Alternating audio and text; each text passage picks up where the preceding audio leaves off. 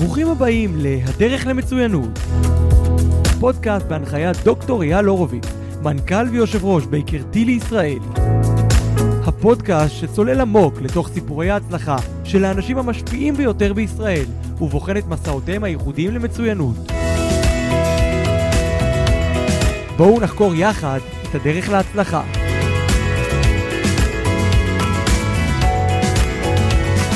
ברוכים הבאים לפודקאסט. אני מזכיר שזה פודקאסט שעוסק באנשים, ואני מזמין אנשים שהם בין האנשים מעניינים, בעלי תוכן, שיש להם סיפור, לאו דווקא לפי מקצוע או לפי נושא. ואני שמח לארח את הדס קריספי, שהיא עורכת דין, אמ, ולא בגלל שהיא עורכת דין הזמנתי אותה, אלא בגלל שבעיניי יש לה הבנה עמוקה של נושאים של אנשים. למען הגילוי הנאות, אנחנו גם חברים וגם מכירים וגם עובדים יחד, מה שלא ימנע מאיתנו לנהל שיחה. ובשיחה המקדימה אנחנו החלטנו שאנחנו רוצים לדבר על נושאים של צוואות, אבל לא בהיבט המשפטי, אלא יותר בהיבט של המשמעויות של אנשים, של העברה בין-דורית, של מה מניע אנשים, מה הפחדים של אנשים. והדס, דווקא בגלל ההבנה העמוקה שיש לך, חשבתי שאת האדם הנכון לדבר על זה. ועוד פעם, אנחנו נתמקד יותר בשיח ופחות בצד המשפטי, למרות שכמובן הצד המשפטי יכול להיות חלק uh, מהשיחה. והשאלה הראשונה שאני רוצה לשאול אותך, שזו תמיד השאלה שהכי מעניינת אותי, אלא מה עושה לך את זה היום? אחרי שכבר יש לך קריירה ומשרד מצליח וכבר חווית לו עוד מעט דברים בחיים, מה עושה לך את זה? והכוונה היא דברים עמוקים יותר, ולא ארוחת ערב טובה, כוס יין, שזה גם זה עושה לנו, מה באמת עושה לך את זה במקום שאת נמצאת היום? קודם כל, תודה שהזמנת אותי, אני שמחה להיות פה. בשמחה. מה עושה לי את זה היום? תשמע, אני, זה, אני לא, לא יודעת לומר אם זה מה עושה לי את זה היום ברמה האישית שלי, או, מה, או להסתכל בפריזמה רחבה יותר של מה, איך אני רואה את עצמי אל מול מה שקורה היום, במצב שקורה היום, במצב שבמצב במדינה. קשה לי איתו מאוד. אה, נניח אה, זה שהנגיד לא העלה את הריבית אה, הפעם, הפעם זה עשה לי את זה. זה עשה לי טוב, אני עצמי, וואו, זה למרות הרגיש... שהוא סייג ואמר שאם כנראה. האינפלציה עוד תעלה, זה עוד יקרה. כלומר, הוא לא נתן לנו באמת רשת נכון, ביטחון, שאנחנו מאוד צריכים, אגב, צריכים. במצב הכלכלי של היום. ממש. ונגיד, זה עשה לי טוב. זה לא עושה לי את זה, אבל זה עושה לי טוב בימים, אני רואה את הימים האלה כימים מאוד אפורים. למה לא... זה עושה לך טוב, הנקודה הספציפית הזאת? כי אני מרגישה שכל המצב, עושה, המשק הוא מצב כל כך רע, ובגלל שאני במקום, אם לא הייתי אה, אימא ובעלים של עסק ובעלים של אה, נכסים בישראל עם אה, משכנתאות וכולי, לא הייתי אפילו הייתי, מה מעניין אותי מה קורה פה. זה מעניין אותי מה קורה פה, כי אני מאוד מעורבת בכל אחד מהדברים. אני רואה את מערכת החינוך קורסת ואת העתיד של הילדים שלנו בבעיה. אני רואה את, ה, אה, את מצב הנכסים, את השפל שקורה בשוק, ואני רואה איך, איך העבודה מידרדרת. אני רואה את המשכנתה שלי ואת הריבית שעולה, ואיך אני משלמת יותר כל חודש, ואומרת לעצמי, אני ברת מזל, אני, אני אסתדר עם זה, אבל אני רואה איך זה משפיע על כולם, וזה צורם לי וחורה לי מאוד, ואני מבינה שאנחנו כולנו, כל אחד במה שזה נוגע לו, במצב לא כל כך טוב, וזה, ו, וזה מטריד אותי. את יודעת, גם המצב עכשיו של אה, ההפגנות אה, הלא נפסקות, שאני אגב אה, בעד חופש הביטוי, וזה נכון, אבל זה נפל לנו בתקופה מתוזמנת לא טוב. כי דווקא היום במצב הכלכלי ובמצב העלאות ריבית, ודברים שהם אובייקטיביים ומהעולם, בסך הכל אנחנו פינה קטנה אבל בעלת חשיבות, דווקא כל ההפגנות האלה וכל האי-יציבות הזאת עוד מדרדרת. אני חוזר בדיוק עכשיו מפגישת עבודה מאוד משמעותית עם לקוח שלי שמגלגל מאות מיליוני שקלים במסגרת uh, תפקידי בבייקר טילי. ו... ודיברנו עם בנקאים, הגיעו לשם בנקאים, אחד הבנקים הגדולים, בדרגה מאוד מאוד בכירה, ודיברנו על הקשר הישיר הזה של גם מצב כלכלי בעייתי, גם ריבית מאוד גבוהה שאנשים באמת לא יכולים לסבול את זה. ו... והטענה שלי שהמצב הוא עוד הרבה יותר גרוע ממה שאנחנו רואים אותו היום. הוא, את יודעת, נכון. מיתון הוא עניין רגשי. אנחנו לפעמים מדחיקים אותו, וברגע שזה יקפוץ וזה יעלה, זה יבוא בבום. ואתמול אני קיפלתי כמעט את כל יום הפגישות שלי ועוד רבים. זאת אומרת, יש פה איזשהו מצב ש, שמתכתב לנו לא טוב. כלומר, מצד אחד אני מאוד מאמין בזה שאנשים צריכים להגיד את דברם, אני רק אומר שברמת התזמון, זה תזמון פשוט לא טוב. ולכן אני מבין מה את אומרת לעניין הריבית, כי אולי ריבית זה פינה, אבל יש לה המון המון השפעה, של אנשים כמונו שחווים את זה גם ברמה האישית והעסקית, מאוד מרגישים את זה. נכון, ממש ככה. אה, אני חושבת שמה שאנשים באמת עושים היום, כי זה כתוב, כתוב בעיתונים, שכולם אה, פודים את ה... הרבה מאוד, יש איזה אה, פדיונות משוגע, משהו יוצא דופן. השתלמות, שזה אגב לא טוב. שזה לא טוב. ואת יודעת מה הסיבה? הסיבה היא שפשוט הם לא רוצים לשלם ריביות גבוהות, אבל המשמעות. של החסכונות האלה, שיום אחד זה יפגוש אותנו. כי החסכונות האלה יכולים להיות מתועלים לדברים שהם מאוד מאוד חשובים. בוקר בהיר נתעורר לזה שהחסכונות לא יהיו שם, לא שם. שזה המון משמעויות, שאנשים לא שומרים הון, מי כמוך יודעת, כן, כן. בעולם שאנחנו חיים בו, שלאנשים אין הון שאנחנו שומרים אותו לאורך זמן, ואנחנו צורכים אותו, או משתמשים בו, יום אחד הוא יחסר לנו. הוא יכול לחסר לנו בחינוך, או ברפואה, או בדברים שהם חלק אקוטי מהחיים שלנו. נכון. זה מאוד משמעותי. מאוד, אבל אנשים היום גם לא עושים את זה רק כדי, אולי גם כדי לסלק הלוואה, הלוואה שאולי הם לא מצליחים לעמוד בה יותר, אם לא יעמדו בהלוואה, הם יאבדו את הבית שלהם, אז יכול להיות שהיום, בנקודה הזו, זה, בדי... זה חלק מהמטרות שלשמן למעשה אנשים חסכו. אנשים רואים את זה, חלק מהאנשים, לא, אולי כל אחד זה ברמות הון אה, צבור בצד שיש לו, אבל ב, ב, בעיקרון הגענו לאיזה נקודת שפל, שגורמת לאנשים שמפעילה את המתג הזה, של כן, לשחרר את, ה, את החיסכון הזה, את הלירה הלבנה הזו, ליום השחור הזה, כי עברו הרבה מאוד משפחות בישראל, עוברים ימים שחורים. אה, יש פיטורים, אמנם לא גל, זה אולי הבעיה הכי קטנה שלנו, אבל יש לא מעט, אנחנו, אה, זו לא תופעה גורפת, אבל היא קיימת. אנשים מרוויחים פחות בכל מיני אה, דרכים, ואנשים משלמים יותר, החיים יותר יקרים והמשכנתאות עולות וכולי. וכן, אנשים משתמשים בחסכונות האלה, וכן, זה יחסר להם בעתיד. אולי אגב נראה את האינפלציה יורדת אחרי שהחסכונות ייגמרו, ואנשים באמת יאבדו את הבתים שלהם, או לא יעמדו בהלוואות שלהם וכולי, וייכנסו באמת למשברים את רואה משבר סאב פריים בישראל? כמו שהיה בארצות הברית ב-2008 ו-2009? ככל ככל הנראה לא יהיה פה משבר סאב פריים, משום שהבנקים היו מאוד אחראים אז. המחירים מספיק עלו, אה, והבנקים כל הזמן שמרו גם על התמהיל בתוך הבית. כן, אבל אם, אם, אם, אם אנשים לא יכולים, אם אנשים לא יכולים להחזיר משכנתה, ואין עסקאות בשוק, אז זה משבר. זה משבר. הסאב פריים היה מיוחד, כי היה שם איזה חוסר אחריות אה, תאגידי קיצוני. אמרת ש... ביטחונות. כן. שפה אולי הוא לא כך קיים, הביטחונות פה הם באמת, הם, הם סופר דופר, הבנקים אה, עובדים יפה בעניין הזה. אז גם אם תהיה ירידת מחירים, היא עדיין לא תהיה כזו, הרי לא נתנו לך אף פעם מעל 75 אחוז, או בין 50 ל-75 אחוז, לא קיבלת מעבר לזה. ואם הבית לא יכל לעמוד בהחזרים, אז גם קיבלת פחות. אז ככל הנראה יהיה בסדר מהבחינה, לא יהיה פה סאב פריים, אבל כנראה שיהיה פה מה יהיה? כן, עושה נכסים קצת. את הרי מאוד מתמצאת בתחום, את אה, מחוללת עסקאות, ואת עושה הרבה עסקאות בתחום הנדל"ן. כן. מה את מרגישה מהשוק? אמ, מה את מרגישה ביום-יום שלך במשרדים? לקוחות, אנשים, הר... תחושות, רגש? הרבה פחות עסקאות. אנשים מפחדים להיפרד מהנכסים שלהם, מפחדים ללכת לקראת עסקה חדשה. פשוט חוסר. מפחדים להיפרד, כי הם לא יודעים מה לקנות? לא יודעים מה לקנות, לא יודעים מה יקרה. לא רוצים לשנות מצב קיים. המצב הוא כל כך, יש כל כך הרבה רעש מסביב, שאנשים מפחדים לעשות שינויים בחיים שלהם. אנשים שישבו אצלי והיו בטוחים שהם הולכים להיות משפרי דיור השנה או שנה הבאה, והתחילו לחפש את הפנטהאוז הבא או את הדירה עם החדר, מה זה משפר דיור בסוף? מדירת ארבעה חדרים עלית לחמישה, אולי עברת לוקיישן, אולי טיפה השתדרגת, כן? זה לא, זה לא בשמיים, אתה לא עובר מדירה לווילה, דרך כלל.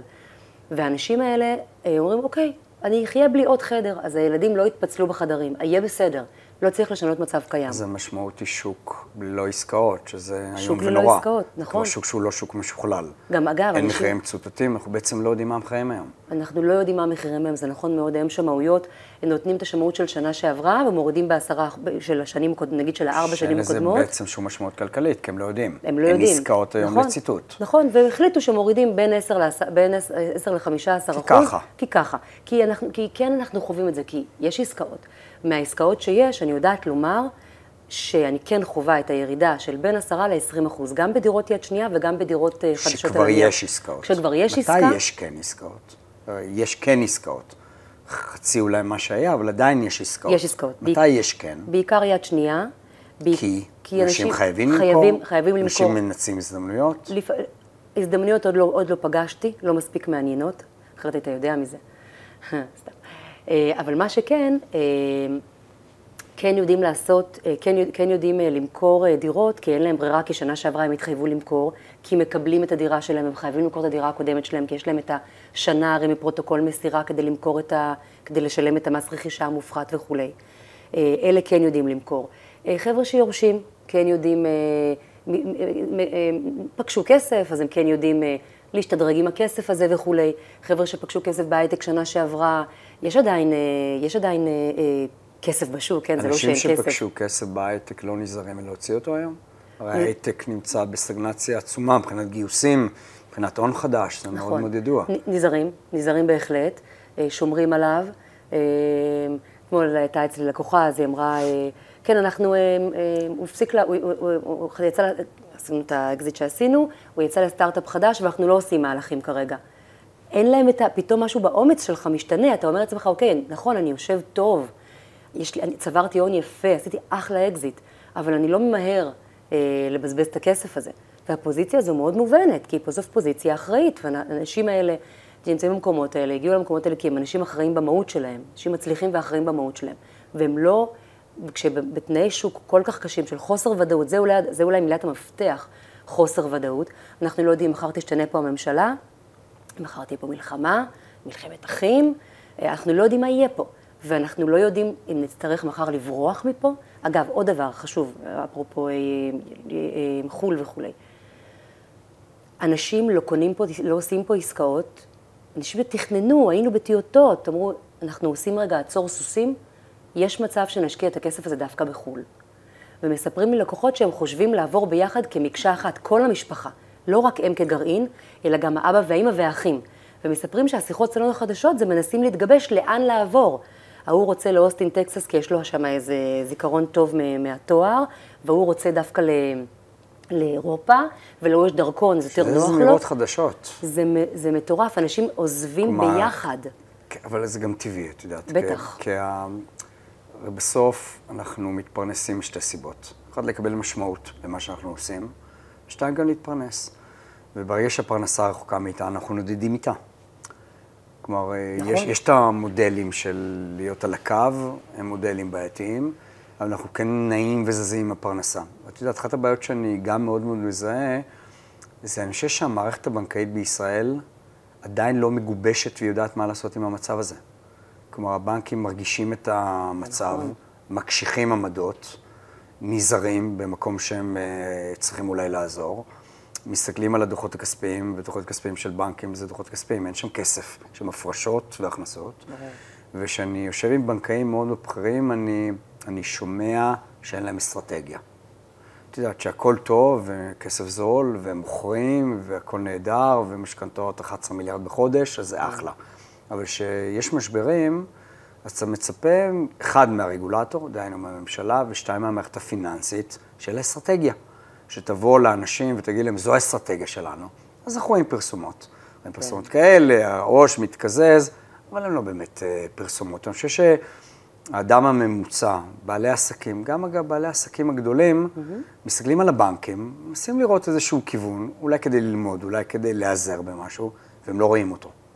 ואני בעולם שלי כמנטור וכיועץ וכמישהו שמחולל עסקאות, יושב עם הרבה בנקאים, ואני מרגיש שהם לא יודעים מה להגיד לי. זו בעיה. בטח. כי בחוסר ודאות, שיושב אדם מול בנק והוא לא יודע מה להגיד לו, אז חוסר ודאות שלו עוד הולך וגדל. ואז באמת נכנס העניין של החוסן הנפשי. ונכנסים המון פרמטרים, כי, כי עסקים יושבים על אנשים, ואנשים יושבים על, על רגש. כשאדם מקבל אה, החלטות בהרבה מאוד מקומות, זה בא בכלל מהרגש. זה לא לפי נתונים כלכליים. נכון. ככל שאתה נמצא יותר ויותר בחוסר ודאות, ככה חוסר היכולת שלך לקבל החלטה, אלא אם כן אתה בשוליים של האמיצים, או כאלה שבאמת יש להם קו, אומרים, אנחנו נעשה את זה, הולך ונעשה, והעמימות הולכת וגדלה. נכון. עכשיו, תכבד כל מה שאמרנו ברבע שעה האחרונה, זה מוביל לי יותר ויותר חוסר ודאות. וחוסר ודאות זה אחד אולי הפרמטרים הכי בולטים. נכון. לכישלונות, לסטגנציה ולדברים לא טובים. כל מקום שהיה בעולם חוסר ודאות, היינו בתקופות קשות של כמה שנים. רואים את זה נכון. עכשיו במלחמת רוסיה-אוקראינה, ראינו את זה במשבר המניות בסוף שנות ה-90 בארצות הברית, ראינו את זה במשבר הסאב פריים. זה אומר שאנחנו נכנסים לתקופה מאוד מאוד לא טובה. מאוד ואנחנו מאתגרת. עוד אפילו לא מרגישים אותה. נכון. זאת אומרת, עדיין מדברים עליה, אבל היא כנראה מאוד מאוד בפתח. נכון. ומה עושים? עושים צבא. למה? אה, לאחרונה הרבה אנשים מתעסקים בזה אגב. אה, אני עושה גם צוואות, באופן טבעי מקרקעין נקשר לצוואות, ו- ואנשים שעושים אה, עסקה גדולה, גם רוצים רגע אחד, עושים, איזה סדר בעניינים של עצמם, וזה כזה משרה כזו שאנשים מאוד נוח לדבר איתי על מה, מה יהיה ביום של אחרי, ואיך לחלק ולהתייעץ וכולי, כי יש בזה המון עניינים רגשיים. כלומר, המצב, לדעתך, אה, והמצב לדעת- גורם לאנשים לעצור כן, ולחשוב קדימה? כן, בהחלט. קדימה הכוונה מאוד קדימה? למאוד קדימה. למקומות שאנשים קדימה. לפעמים לא נעים להם להתעמת עם זה? נכון. אה, לאנשים באופן כללי קשה מאוד להתעמת אה, אה, עם המקום הזה של לעשות צבא. אני חושבת שבסופו של דבר התחושה היא כמו, זה כמו להתמודד עם הסוף. ויש איזה... יש... רציתי לומר משהו, משהו ספציפי. אני חושבת שה... קודם כל, התקופה, התקופה, היום, התקופה היום היא כזו שאין בה את האווירה הזו של ה... בוא נקנה נכסים בארץ, נכסים בחו"ל, אין את האווירה הזו של הלעשות, יש את האווירה של הרגע אחד לשמר, אולי להעביר הלאה. אה, מה זה להעביר הלאה? חוץ מצוואה, שתכף נדבר עליה, וההתמודדות איתה, ואיך איך אנשים ניגשים אליה או לא ניגשים אליה, ובמה זה כרוך, יש את העניין של אם יש לך, נגיד, חברה פרטית, אז איך אתה עושה, איך אתה עושה, נותן את השרביט לדור הבא, מה שנקרא המשכיות עסקית, אתה מתמחה בזה. מה שנקרא העברה בין דורית, את זה אנחנו עושים בתוך הצוואה, במשפחות עתירות הון, של איך מחלקים את זה, איך לא נותנים הכל בבת אחת, איך לא נותנים הכל בבת אחת לילד, אה, איך אתה שולט למעשה על האופן שבו אה, הוא יקבל את זה במהלך חייו, איך זוגות פרודים נותנים, אה, נניח, אוקיי, זוג פרוד. דוגמה, זוג להט"בים, לקוחות, שגרשו, יש להם תאומים, ואחד מהם, אה, הלקוח שלי, רוצה לעשות אה, צוואה, והוא אומר, איך אני מחר, אם אני מחר לא פה, אתה יודע, כולם, אה, בדרך כלל אנשים מתחילים להתעסק עם זה איפשהו בגיל, ה- לקראת, בואכה גיל 40. אני רואה את זה במשרד לגמרי, בואכה גיל 40. איפשהו עד גיל 40 אנשים חושבים למרות שהם... שתוחלת החיים היא עוד עשרות שנים. עשרות שנים. ועדיין מתעסקים בשאלה, למה, למה, למה בשנות ה-40? כי הם צברו, כי הם שמעו, כי גם- הם, גם הם כי חושבים לך- שהם צריכים להיות יותר אחראיים, יש להם יותר אחריות? גם למה, למה זה קורה מה- בשנות ה-40? כי יש לך אם היית אומר לי. בשנות ה-70 היה לי יותר קל להבין. למה שנות ה-40? שנות ה-40, אנשים למעשה, בדרך כלל, אה, בגיל 40, ע- עד גיל, איפשהו מגיל 30 עד גיל 40 מביאים ילדים לעולם, מתעסקים בדרך כלל בזה. אתה יודע, זה הרי תקופה כאוטית, של יש לך ילדים קטנים בבית. גיל 40 בכלל, כל העשור הזה הוא כאוטי, כי אתה, אתה הכל, הכל על הכתפיים שלך.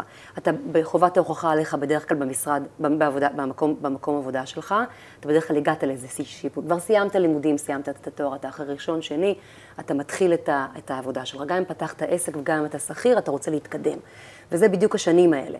העשור הזה. זה בא תמיד בתקופה שיש לך ילדים קטנים, כי את מתחילה הילודה בשנים הללו. הורים אולי נפטרים בתקופה הזו, וזה מזכיר לך, זה בעיקר מזכיר לך. אה, שזה שם. שזה שם. שאתה מאבד אדם שיקר ללבך, זה תמיד מאיר אצלך את המתג הזה, אוקיי, גם אני יכול למות. זה מאמת אותך בעיקר עם, ה, עם האימורטליות שלנו, עם העובדה שאנחנו אה, בני תמותה. והנקודה הזאת, כשאנשים מגיעים אליה, אנחנו כולנו יודעים שאנחנו בני תמותה. אתה לא מבין את זה, אבל שאתה בן דמות, העובדה שאתה לא עושה שום דבר. כי אם היית עושה, אנשים של, כל מי שלא עושה צוואה, לא מתמודד רגע אחד עם החלוקת רכוש של אחרי המוות שלו אה, לצאצאיו, כל מי שלא מתעמת עם זה, נוגע בזה רגע אחד, אומר שהוא לא מכיר בזה, הוא לא מוכן לגעת בזה, כי לגעת ולהכין צוואה זה רגע אחד להתעסק בזה. צוואה, ייפוי כוח מתמשך, אה, מסמך הבעת רצון, מה שהיה עם הילד באיטליה, של מי יטפל בילדים הקטינים שלך אחרי שתלך. נניח אם שניכם הולכו, בעיקר אם אתה גרוש. אתה אומר, מי יטפל? אני לא... אני מדברת על האסון על של... האסון שהיה, כן, עם, עם, עם איתן, ה- עם הילד. אה, סיפור. אגב שאני מכיר מאוד מאוד בקרוב, עורך דין שמוליק מורן, שהוא חבר. הוא טיפל בזה, מצד הדודה האיטלקית. אגב, זה סיפור שלא נגמר עד היום. הוא כן, עדיין כן, זה מתגלגל. מתגלגל. עדיין מתגלגל עד היום. זה סיפור עצוב מאוד, סיפור קשה מאוד, אבל באמת אה, מסמך הבעת רצון יכולה לפתור את זה די בקלות, אבל ההורים האלה לא היו מעלים בדעתם. הרי הם היו שני סטודנטים לרפואה באיטליה, ומה להם ולזה לפני... אה, כן, שעלו על 40. ולא ירדו. כן, לא היה להם שמץ של מושג, אבל יש משהו מאוד אחראי בלדאוג לדבר הזה, כי באמת כדי, כדי, כי באמת אם אתה, מחלחלת בך ההבנה שאתה עלול מחר לא להיות פה יותר, כדאי לך לעשות את הנייר הזה. מספיק שיש לך אה, ילד אחד, לא ילד אחד, כן, גם ילד אחד, אוקיי? יכול להיות גם אימא שתלויה ל- בך. נ- יכולים להיות מלא דברים. לא, י- ילד, דוגמה, אוקיי? אדם בן, אה, אדם בן אה, 39, 35 אפילו, יש לו ילד אחד ואין דירה אחת, ואשתו, תאונת דרכים, לא עלינו, קורה, מקרה שקרה. קורה. הופה, הדירה בתל אביב הופכת להיות של האבא ב-75 אחוז, היא הייתה הרי 50 אחוז על שם ה- חצי חצי. לפי חוק הירושה, כן, חוק נכון? הירושה, אין צבא, חוק הולך ירושה. לילד, נכון? למעשה מחצית הולכת לילד, אבל מחצית. כן, כן, חצי חצי. אבל האישה כבר חצי היה רשום. מחצית מהחצי, זה מחצית, 75, נכון, 25. זה מה שיש. זה חוק הירושה חוק בהיעדר. צבא. אמת. זה הדיפולט של חוק הירושה. אמת. שאולי תגידי מילה על זה למי שקצת פחות מתמצא. כשאתה, כשאדם הולך לעולמו, למעשה, אם הוא נשוי, אה, אשתו מקבלת את הכל, אם הוא, אה, אם הוא רווק, אם אה, יש לו ילדים, אז הילדים, הילדים מתחלקים ביחד עם האישה, לפי כמות הילדים. אה, שזה בהיעדר מסמך, בהיעדר מסמך. מסמך רצונות בפורמטים שונים. כן, אוקיי. צוואה כלשהי, צוואה בעדים, צוואת, אה, צוואה ללא, צוואה נוטריונית, צוואה. עכשיו, למעשה, בסיטואציה כזו, אה, אותו אדם, הוא מגיע לי למשרד, ואני, הוא מביא לי, נס- נותן נסח טאבו, והוא רוצה להיות משפר דיור. את הדירה הזו בתל אביב, הוא רוצה למכור ולהתקדם הלאה פגש מישהי, מה, והוא צריך רוצה... אישור של צריך האפוטרופוס בית, הכללי, והוא רוצה לא? לקנות בית באבן יהודה, הם רוצים נכון, בכלל הוא צריך אישור של האפוטרופוס צריך הכללי? אישור של הילד הקטין. של הילד הקטין, אתה לא יכול לבצע שום פעולה בלעדיו. והאפוטרופוס נעתה, נעתר לכאלה דברים בדרך כלל? מאוד, זה לא כזה פשוט, הוא רוצה לראות מה קורה הלאה, הוא רוצה לראות שזה אמור לשמש למגורים, למגורים של אותו צאצא, של אותו ילד, והוא רוצה להבטיח, והנכס הבא בתור, שה-25% האלה יירשמו באופן יחסי, גם שם, אין דבר כזה. לא מוותרים על זה. הגיוני. הגיוני, נכון, זו ירושה שלו, הוא ירש... וגם. מבטיחים נישואים קרובים, נניח שאותו אלמן ירצה להתחתן שוב, האפוטרופוס מתערב גם בעתידנות הזאת? הוא מתערב. כלומר, אני יכול להבין שהוא מתערב בזה שבנכס הבא הילד יהיה 25 אחוז, אבל מה יקרה אם ייכנסו עוד גורמים? הוא תמיד יישאר דורש. 25 אחוז, הוא, הוא כמו תמיד. משקיע, הוא תמיד, הבנתי. זה, הוא, הוא בעלים של לא, אבל 25 אנחנו, אחוז. אנחנו יודעים, אפשר לגעת לו בזה. אנחנו אה, זאת אומרת שזה לא מכיר, כי אנחנו יודעים שאם הוא מתחתן פעם שנייה והוא מוכר את הדירה וקונה אותה מחדש עם בת הזוג, אז הוא נתן לה מתנה. זה- אז בעצם הזכויות האלה חייבות להיות מובטחות. זה בדיוק מה שקרה במקרה שאני מספרת לך. אז תספרי, זה אחד מעניין. לאחד. אז זה מה שקרה, שם הוא התחתן שוב, הם עברו לאבן אה, יהודה, לבית גדול, כל אחד תרם את חלקו לבית, וחלק מה, ניכר מההון אמור היה להגיע מהדירה הזו בתל אביב. שלילד יש של ה- 25 של הילד אחוז. 25 אחוז. והיו המון המון מחשבות, ובסופו של דבר הוחלט לא לגעת בנכס הזה, והשאירו את זה ככה, השאירו את זה ככה, ופתחו משכנתה ענקית, ונהנו מה, למעשה מהשכירות של הנכס בתל למה? אביב. כי הם הבינו, האמת שהדבר ש... מה, שגרם... מה היה שם? האישה... הוא היה משפטי או... האישה, לא, האישה, אותה אישה חדשה אמרה, תשמע, אני לא רוצה להיות שותפה של ילדה קטינה בנכס שלי. הנכס שלהם, היא השקיעה חצי, 50 אחוז מההון. ואמרה, תשמע, אני לא מעוניינת בזה. שהיא תהיה שותפה שלי בדירה. זה הגיוני מאוד. הגיוני מאוד. אני מעדיפה שלא תערב אותה. אה, מעדיפה שהיא לא תתערב בנכס, קנו את נכס חלומותיהם כזה, כמה מיליונים טובים של שקלים. הדירה בתל אביב פחותה יותר בשווי שלה, דירה פשוטה יחסית. אמרו, אוקיי, נשאיר את המצב, השאירו את המצב as is. והשכירות למעשה נותנת את ה- את המשכנתה אה, אולי נתנה, ל- לפני עליות הריבית. לפני יותר ריבית. בכל מקרה, אני- את יודעת, הנושא הזה של, אה, אני חושב טיפה מהמונחים שלי, גם האישיים, אני אגב, מאז שהייתי ילד, אה, תמיד חשבתי על שני דברים, על יום מותי, ממש ברמה הזאת, ברמה האחראית של העניין, ועל, וגם על מה יהיה, מה יהיה, טוב, יום אחד בעיר, אנחנו בני אדם, יכולים, יכולים לא להיות מסוגלים לייצר או לעבוד וכולי. ברור. והיום שאני דווקא אני מסתכל על עצמי, ואני בעצמי גרוש, אז יש לי אחריות לא רק לגבי הילדים שלי, יש לי אחריות לגבי אימא שלי, שאני נעזר בה, ובאמת נושא הצבא ונושא ההסתכלות קדימה, יש לה המון המון חשיבות. כי בהנחה שיש לך אנשים שהם יקרים לך, ואתה מבין שבכל אופן ביום שאנחנו עושים דיפרצ'ר, וזה יכול לקרות לכולנו, אנחנו משאירים אנשים שעדיין הם יקרים לנו, גם אם לא נהיה פה כדי לראות את זה, יש פה המון המון אחריות, אבל היא גם מובילה באותה הזדמנות להמון המון שאלות. נכון. להמון שאלות והמון מורכבויות, ובמיוחד אצל אנשים גרושים ואלמנים, זאת אומרת, ברגע שהתא הראשוני, הוא, הוא כבר לא נמצא באותה פוזיציה, ולא משנה מאיזושהי סיבה, זה מסבך את יש. פה מורכבות, לא רק מורכבות משפטית, יש פה מורכבות. את עכשיו תיארת, נכנסה אישה, היא אמרה, אני לא רוצה להיות מעורבת, באותה נשימה הייתה יכולה להגיד, אני לא רוצה לפגוע בזכויות, זה מאוד ה-state of mind שלה. אז איך אנשים מטפלים בזה? הרי זה, צוואות זה לא מסמך קל. לא יש שם מסמך המון קל. חשיבה, המון חשש, המון התלבטויות, אני יודע שאנשים לפעמים באים להתייעץ צבא ונעלמים לי לשלוש שנים, כי הם לא יודעים להכריע. זה קורה לי כל הזמן. ספרי לנו קצת כן, על זה המקרים קורה- האלה. זה קורה לי כל הזמן. יש לי יותר טיוטו- יותר טיוטות צבא מאשר מאשר צוואות. חתומות. כי? כי אנשים אה, מדברים על זה, או שאני, או שאני מניעה אותם לזה, ואומרת להם, בואו, בואו נעשה צבא, ומסבירה להם את החשיבות, והם ככה חדורי מוטיבציה, ואני נותנת להם כזה שיעורי, מייל שיעורי בית, ואני נותנת להם מה הם צריכים להעביר לי, ואני מכינה איזשהו דראפט כזה, מעבירה להם.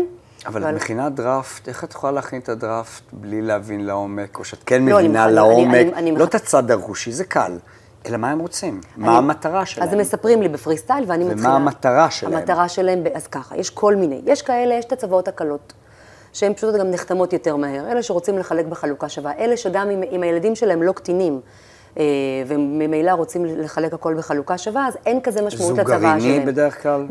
כן, זוג גרעיני. זוג גרעיני. פה צריך בשביל ההדדיות, כדי שזה לא יישאר רק של, בת, רק של הבן זוג שנשאר, ואז המורכבות היא עם הילדים, שהם צריכים לחתום, לחתום ויתור, וכבר, וכבר פגשנו, אם פתאום יש לך שלושה ילדים, ואחד מהם במצב כזה קצת פחות טוב בחיים שלו, וגם היחסים שלו לא היו משהו עם ההורה שהלך, אומר, למה אני צריך לחתום ויתור? ואם אני רוצה את החלק שלי כבר, אני צריך אותו. ופתאום אתה מגלה שאותה, נגיד האימא שנשארה, אבל זכותי בצבא הדדית. ב- לא דיברתי על הדדית, אה, לא דיברתי דיברת על אם. אם לא... הבנתי, הבנתי. אז אני אומרת, נגיד במקרה הזה שאתה רוצה חלוקה שווה ויש לך ילדים כבר שהם לא קטינים, תעשה הדדית בשביל לשמור על בן בת הזוג. אחר כך, אם, אתה לא, אם זה לא בשביל ההדדיות, תעשה את זה, אם אתה, כשאתה, כשאתם צעירים, תעשה את זה כדי לשמור, על, כדי לשמור גם על בת הזוג, אבל מהילדים הקטינים שלה, כדי שהיא לא... אה, זה, זה אגב, שם זה, זה בכמה נקודות. זה חשבון משותף, שצריך לדאוג מאוד לעניין של אה, סעיף אה, אריכות ימים.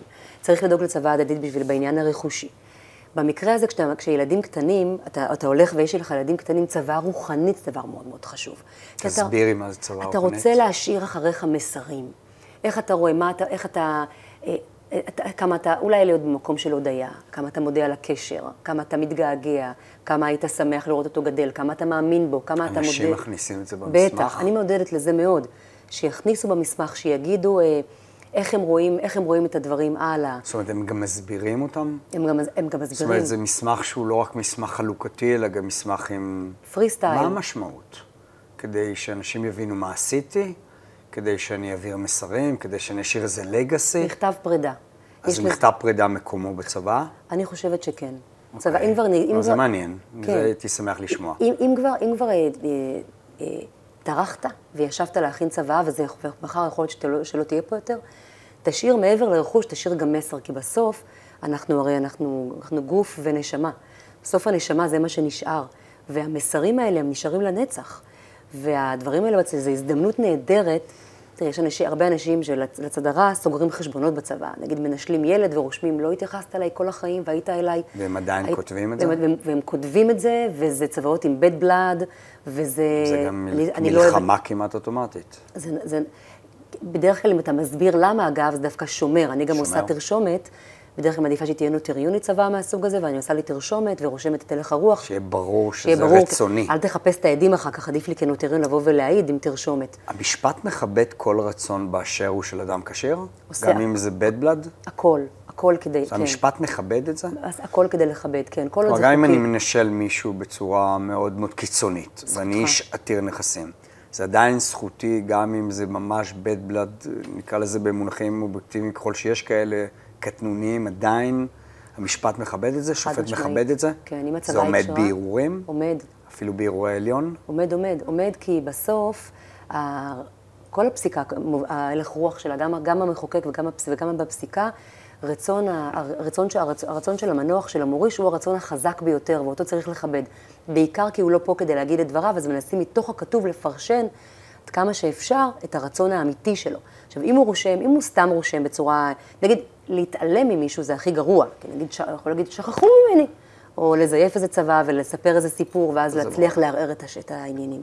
אבל כאשר אתה רושם בר- ב- בצורה, בצורה ברורה, ואתה אומר, אני מנשל אותך כי כל החיים התייחסת אליי לא יפה, וכל החיים ניסיתי, ולא היית שם בשבילי, ואני מוריש לך רק את זה, או מדלג עליך ומוריש זה מראה מה לילדיך, שהיה לי או מדעת עם סיבה. בטח. וזה אפילו חזק. מחזק. זה הכי נכון שיש, כן, כן, זה הכי נכון שיש. זה חשוב אגב שהשומעים או הקוראים יבינו את זה, כי את יודעת, האינטואיציה שלי, ואני גם משפטן וגם בתחום, זה לשאול את השאלה האם בית בלט קיצוני לא גורם לשופט לזוז בסך הכל לשופט הוא, היום שמעתי משהו מדהים, שהוכיחו קשר בין ה-state of mind של שופט ברמה של מתי הוא אכל ארוחת צהריים בוועדת שחרורים. הוכיחו במחקר שהיה בארצות הברית ובישראל, שיושבת ועדת שחרורים, כל רבעון, הם יושבים נניח מ-8 בבוקר עד 8 בערב. ארוחת, יש להם שתי הפסקות, ב-12 וב-4. הוכיחו שאלה שנכנסים ב-5 ל-12 והשופטים כבר בראש של ארוחת צהריים והם שופטים מקצועיים ובאים לקבל שליש, לא מקבלים, ואלה שנכנסים ב-1 ו-5 מקבלים כן. וזה שופטים מקצועיים בישראל ובארצות הברית, אבל בסוף שופטים הם בני רק מזכיר אדם. שכולם בני אדם, בדיוק. ושופט שיושב וקורא כזה דבר, ונכון שיש עומד דעת צדדים, לא ככה זז לא טוב בכיסאו, יכול להיות. שנשאלנו בצורה מאוד ברורה מישהו שהוא היה בסך הכל ילד, וזו משפחה, ונכון שכנראה לדעת הוריו הוא לא היה ילד תומך. שופט עדיין מקבל את זה עם כל הקושי שבזה? אין לו ברירה. כן, לו ברירה. אין לו ברירה, הוא חייב לקבל את זה, והוא יכול גם להביע את מורת רוחו אולי, ולהביע את הצער שלו וכולי. מה את חושבת על חלוקה לא שוויונית? בא אליך לקוח, אני בא אלייך, ואני אומר לך, יש לי 20 מיליון שקל, יש שלושה ילדים. אני רוצה לחלק לשניים 90 אחוז ולאחד 10 אחוז. ואני יושב מולך, ואני מסביר לך, אבל אני גם רוצה לשמוע את דעתך. כי את גם פסיכולוגית, נכון? כולנו פסיכולוגים כולנו, בסוף. וכולנו פסיכולוגים מהבוקר עד הלילה. ברור. מה את אומרת לזה, לקוח? יש לזה שני אספקטים. יש את האספקט הראשון שאומר, והוא אומר לך בנחישות, הוא לא... הוא רואה אדם נחוש, ברור, שמסביר את מה שהוא מסביר. אני אגיד לך, יש את לי... מתערבת? כן, אז אני אסביר, אני אספר, אני אספר טיפה אני את בטוח עומד הדעת שלי. שנתקלת וזה- בזה לא פעם ולא פעמיים. כל הזמן, זה, זה, זה, זה לחלוטין שם. כשהייתי מתמחה, לפני איזה 20 שנה בערך, התמחיתי אצל במשרד אה, גלוזמן חוברס, והייתי צמודה לעופר גלוזמן, שהוא אדם מדהים בעיניי. והוא אה, אמר כל הזמן ללקוחות, בשום פנים ואופן אל תורישו חלוקה. חלוקה לא שוויונית מעוררת זעם אצל הילדים, אתם, אתם משאירים אחריכם כאוס. אל תעשו את זה, זה משאירים גם שגוי. בלגן בין משאירים הילדים. בלגן בין הילדים, זה גם שגוי. אם לא היה בלגן בין בוודאי. סכסכתם בין הילדים, זה מיותר. תורישו שוויוני, אין לך, צבא זה לא מקום לסגור חשבונות. ואני בתור מתמחה צעירה, אמרתי, אה, מה זה השטויות האלה? מי יגיד לי? אני אוריש איך שאני ארצה, הילדים שלי ינהלו אותי? את לא. כמתמחה כמתמחה, חשבת את זה. כ- כילדה בת 25. אמרתי, מה זה השטויות האלה? מה פתאום? אני, אם יהיה לי ילד עכשיו רופא מצליח, וילד השני יהיה, אה, אה, ינגן בכינור, הוא יהיה מוכשר, מוכשר כמו שד, אבל לא יצליח להתפרנס מזה, אני אולי אשאיר, אולי אני אשאיר את זה בחל- בחלוקה אחרת. אני מאמינה בצדק חלוקתי, זה הרי בסוף אתה מכניס את זה למקום הזה. ככה האמנתי עד שהיו לי ילדים. היום כשיש לי ילדים, אני מודה שהתמתנתי. דיברתי כמו ילדה אז, כלומר, זה, זה קצת... והיום שיש לך היום ילדים? כשיש לי ילדים, אני אומרת לעצמי, ואני, ואני יודעת כבר בער, אולי בערך להגיד אה, מי תהיה, מי, מי, מי יהיה מה, אתה יודע, אנחנו מהמרים על הילדים שלנו, כבר אנחנו בערך כזה קצת... אנחנו מנסים מנסים להמר. להמר. אה, ואתה אומר לעצמך, אה, לא יודע, אני לא יודע אם אני רוצה לעשות דבר כזה, אני לא יודע אם אני רוצה לא להוריש אותו דבר, כאילו, אני רוצה לפרגן לשניהם, אני רוצה לדאוג לעתיד, אני, מה שהם, אני נותן לשניהם את הזדמנויות שוות וגם ירושה שווה. כן, אבל בואי נקשה עלייך. אנחנו כותבים את הצבא היום, נכון? ואנחנו מנסים לחשוב קדימה. אגב, אנחנו גם יכולים לשנות אותה, כי החיים דינמיים, נכון? נכון, בטח. אבל הילדים גדלים. כל אחד הולך למסלול אחר.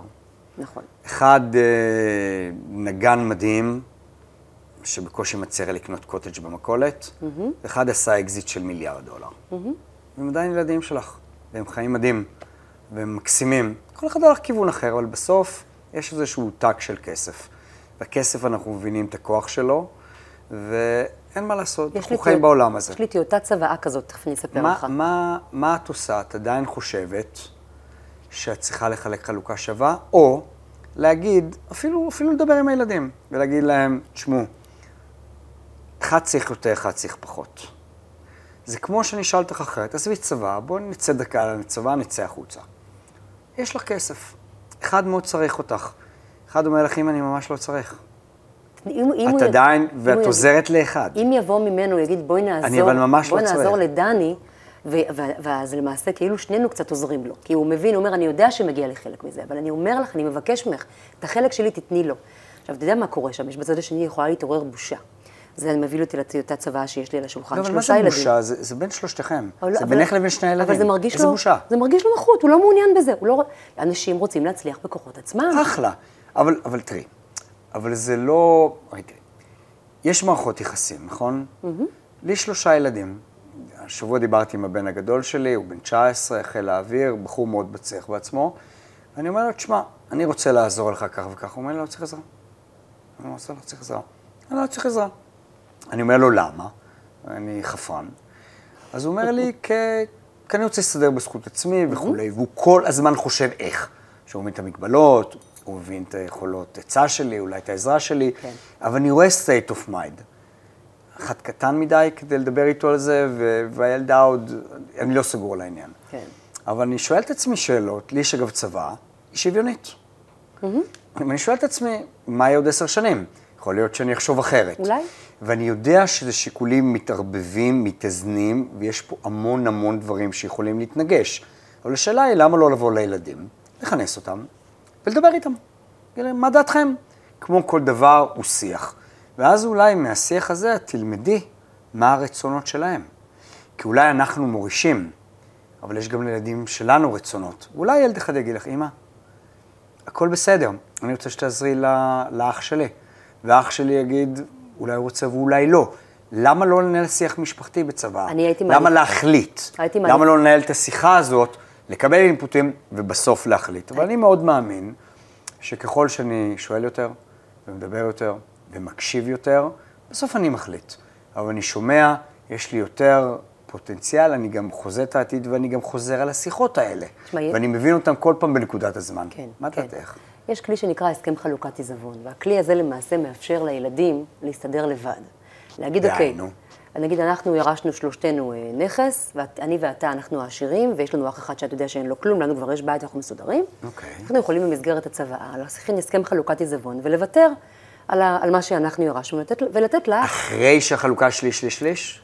בוודאי. יש... כלומר זה ויתור. אבל זה ויתור פשוט. אין בעיה. אני ואת מחזיקים נכס, אני מוותר לך. תשאיר את זה לילדים. וגם תרשום בצבא, אני נותן לכם את הזכות להחליט אם אתם רוצים לוותר עבור דני. מדוע? משום שאני, אני רוצה להוריש לכם בצורה שוויונית. אם אתם מרגישים שאתם רוצים לתת לו... זאת אומרת, אני נותן להם את הפררוגטיבה. נכון. מה אני עושה להם רגשית? ההורים נפטרו, ההורה נפטר. אולי מייצר ציפייה, אבל גם דע לך שילדים לא... קודם כל, מערכת יחסים של אנשים עם כסף מערכת יחסים מורכבת. כל אחד, וזה בכלל לא משנה לכמות הכסף שיש לנו. הרי זה משהו הישרדותי, שאנחנו רוצים להרוויח את הכסף. כשאתה מרוויח כסף, יש לך יותר רגישה לרפואה טובה יותר ולחיים טובים יותר, ואנחנו רוצים את הכסף שיהיה... אי אפשר לחיות בלי כסף. אי אפשר לחיות בלי כסף. בעולם של היום, אנחנו לא חיים בכפר, אנחנו חיים בזה נכון. שאם אין לנו כסף, אנחנו הומלסים. נכון. אז יכול מאוד להיות שאותו ילד, שהוא מאוד עשיר, והאח האחר שאין לו כלום, יגיד, למה? למה שהוא יקבל יותר ממני? מה זה חשוב? מה זה רלוונטי? מה אני צברתי בכוחות עצמי? אני ילד שלו בדיוק, בדיוק כמו אחי? למה שהוא יקבל את כל הירושה ואני לא אקבל שום דבר? סכסכת לנצח, זהו, לא עשית בזה שום דבר. יש להם 40 שנה לחיות יחד, נגמר הסיפור, הם לא יכולים את ארוחות שישי ולא יעשו יותר ביחד חגים. זה לא שווה את זה.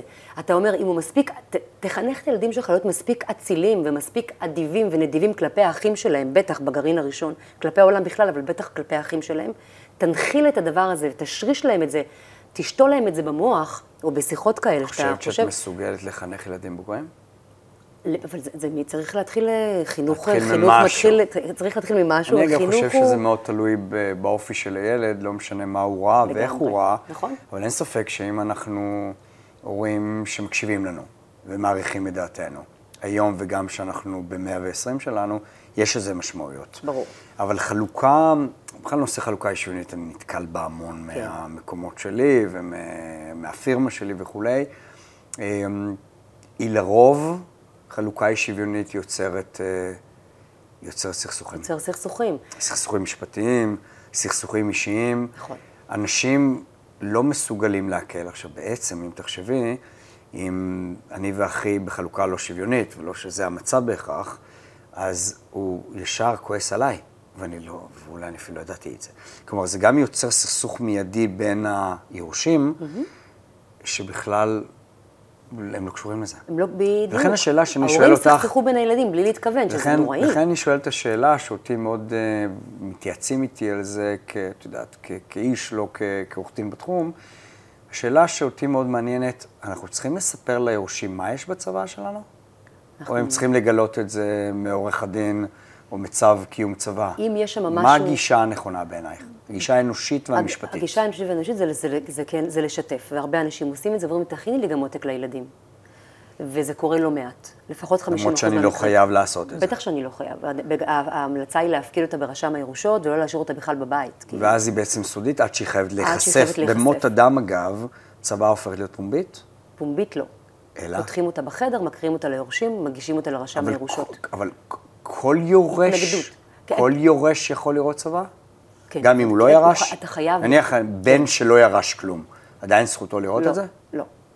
לא. אוקיי. לא. רק מי שמופיע בתוך הצבא, רק מי שלמעשה אה, נוכל מהצבא, מה שנקרא, בחטא. אוקיי. כן. אוקיי. רק כן. הוא יכול לראות את הוא- הצבא. כלומר, היא לא הולכת פומבית. בעיקרון מפרסמים אותה להתנגדויות, מה שנקרא, היא נמצאת שם, ומי שבעל עניין יכול לספר שהוא בעל עניין ויכול לבקש לראות אותה. הבנתי. זאת אומרת, אם אני בן, אוטומטית לא אני בעל עניין. ואז אני יכול לראות אותה. נכון. כלומר, יש תהליך הזה. ידוע בציבור, דברים מהסוג הזה. אבל את אומרת ש-50% מהאנשים כן מבקשים בוחרים, עותק, כן. כן בוחרים לתת לילדים? נכון. גם אם היא לא שוויונית? אם היא שוויונית זה קל. אם משווים את זה קל והיא סטנדרטית וכולי, אבל ובתוך ה-50 יש גם צוואות לא שוויוניות? יש גם צוואות לא ואז שוויוניות. מה קורה? זה חוזר אלייך. אז- ואז נכון, ואז זה קורה. ואז מה קורה? ואז מה קורה? אה, זה תלוי. אתה רואה, אתה רואה את, ה, את הקושי. ואגב, אתה יודע מה- מאיפה אתה רואה את מה, הקושי איפה בנוסף? הקושי? הרבה מאוד פעמים אצל בני הזוג, אגב. בני הזוג מביאים את הקושי כי הם לא. מעורבים רגשית. הם אה, מגיעים לחדר והם אומרים, אה, אבל למה זה ככה? ואנחנו עזרנו כל החיים, אבל איך זה יכול להיות? אבל זה לא שוויוני. אבל אנחנו נתנו מהכסף שלנו, אבל אנחנו עזרנו. אבל הם כבר נשאלות שאלות. הסכימו ביניהם לפני שזה קרה. אז מה קרה עכשיו? זה, לא, זה, זה במקרים לא בהכרח שהם הסכימו. די, נו. לא, לא הייתה צבא לפניהם, הם. גיל- הם גילו אותה. אוקיי. הם גילו אותה. לא, אבל אני אתה מדבר ברמת ההורים. נניח לדוגמה, בוא ניקח אה, דוגמה היפותטית. הורים החליטו חלוקה לא שוויונית. מסרו את זה לילדים. הילדים ראו. קרה מה שקרה. חוזר אלייך למשרד, ההורים מגיעים אלייך שוב. מה קורה בחדר? קשוח מאוד, אתה לא רוצה להיות שם. אבל הם כבר החליטו על חלוקה לא שוויונית, והם חזרו? אלייך שוב. ההורים, ההורים החליטו, והילדים אה, הביעו את מורת רוחם, והם מבינים שזה יצר וחזרו אלייך לחדר. מה השיח בחדר? זה משנה פוזיציה בין בני זוג? אגרסיבית מאוד, הפוזיציה. בין בני זוג? בין, אגב, א', כן, בוודאי. הרי, הרי, אוקיי, יש כמה, יש כל מיני מקרים. יש מקרים שהאבא מקרה ואימא, מה שנקרא. מה שנקרא אבא ואימא מסכימים אחד עם השנייה. דוגמה, אין, אין, הכי גם טוב- הכי טוב בסיבוב זה השני דוגמאות. הם עדיין הכי טוב זה מסכימים? דוגמאות, ספרי כן. לי דוגמאות. הכי טוב זה דוגמאות. מקרה שיש שם שני בנים ובת, יש מה להוריש יותר, יותר מנכס אחד ויש, ויש, ויש מזומנים. צבא יפה. אחד מהאחים... צבא יפה רק למי שלא מבין, צבא שיש בה שיש בה- שיש נכסים וסכומים משמעותיים. וקרנות יפות. וכן, סכומים כן, משמעותיים. כן, סכומים משמעותיים. יש מה לחלק. אה, אחד, הבן, הבן הגדול כבר טס לחו"ל, עשה שם איזה סטארט-אפ מדהים ונהיה בכל סדר גודל מיליונר של ממש. הקטן אה, התגלה כגאון והולך לי, בכיוון, הולך להיות בכיו- מיליונר בכיוון, של בכיוון ממש. יפה. ויש, ו, ויש ילדה שהיא, אה, שהיא מאוד מוצלחת ומאוד אינטליגנטית, אבל היא לא בכיוון הזה, היא בכיוון אחר. רוחני. רוחני יותר, והיא... פחות היא- כסף, סליחה יותר. בחייה, היא מאוש- מאושרת בחייה, אבל היא לא תהיה עשירה כמו האחים שלה כנראה לעולם. האימא רוצה לעזור לה יותר, ואומרת, בוא נעשה, בוא, בוא נברא, בוא, לא צריך שזה יהיה שוויוני, יותר בוא ניתן הכוונה לה יותר. משליש. יותר משליש. היא כבר, והאבא? היא כבר קיבלה דירה בחיים שלה, וה- והאבא אומר, לא, אנחנו הולכים לאזן, היא בדירה דירה יפה מאוד בתל אביב, ואבא אומר, אני רוצה לאזן את הדירה. האמא אומרת, אל תאזן את הדירה. לאזן את הדירה שניתנה. בוודאי, זאת אומרת, היא תקבל פחות בצבא, כי היא קיבלה יותר בחיים. הרבה עושים את זה, אגב. אתה עוזר לילד זאת אחד אומרת, בחיים. אני אתן למישהו אחד, אבל פחות בצבא, כי נתתי יותר. ואתה מציין את זה, אחרת אתה כאילו נתת פחות, ואתה רוצה שזה יהיה שוויון. חושבת שזה נכון? בטח, מה? מה נכון? זה נכון לאזן? זה בס- בסדר גמור, בטח, בטח, למה לא? לא הספקתי לעזור לך בידיים, בידיים אה, חמות, אני עוזר לך בידיים קרות. זה בסדר גמור. אבל זה, קצ- זה קצת כאילו שולל את העקרונות של, של מתנה, במובן הזה, את יודעת, בצד הרגשי. שאת יודעת, נתתי משהו, למה אני צריך, כאילו, נתתי ואני לוקח. תן לי אז- בית אז לא אחד נתתי. בישראל עם שלושה ילדים, שילד אחד יקבל מתנה, דירה, ושאר האחים לא יעקמו עליו פרצוף, לא, סלש לא ירצו לדבר איתו אני רואה בחיים. את זה אצלי, אני נתתי, קניתי לבן הגדול שלי אוטו, וכל אחד מהילדים שלי חושב אני צריך לתת לו אותו אוטו, ואני חושב שלא.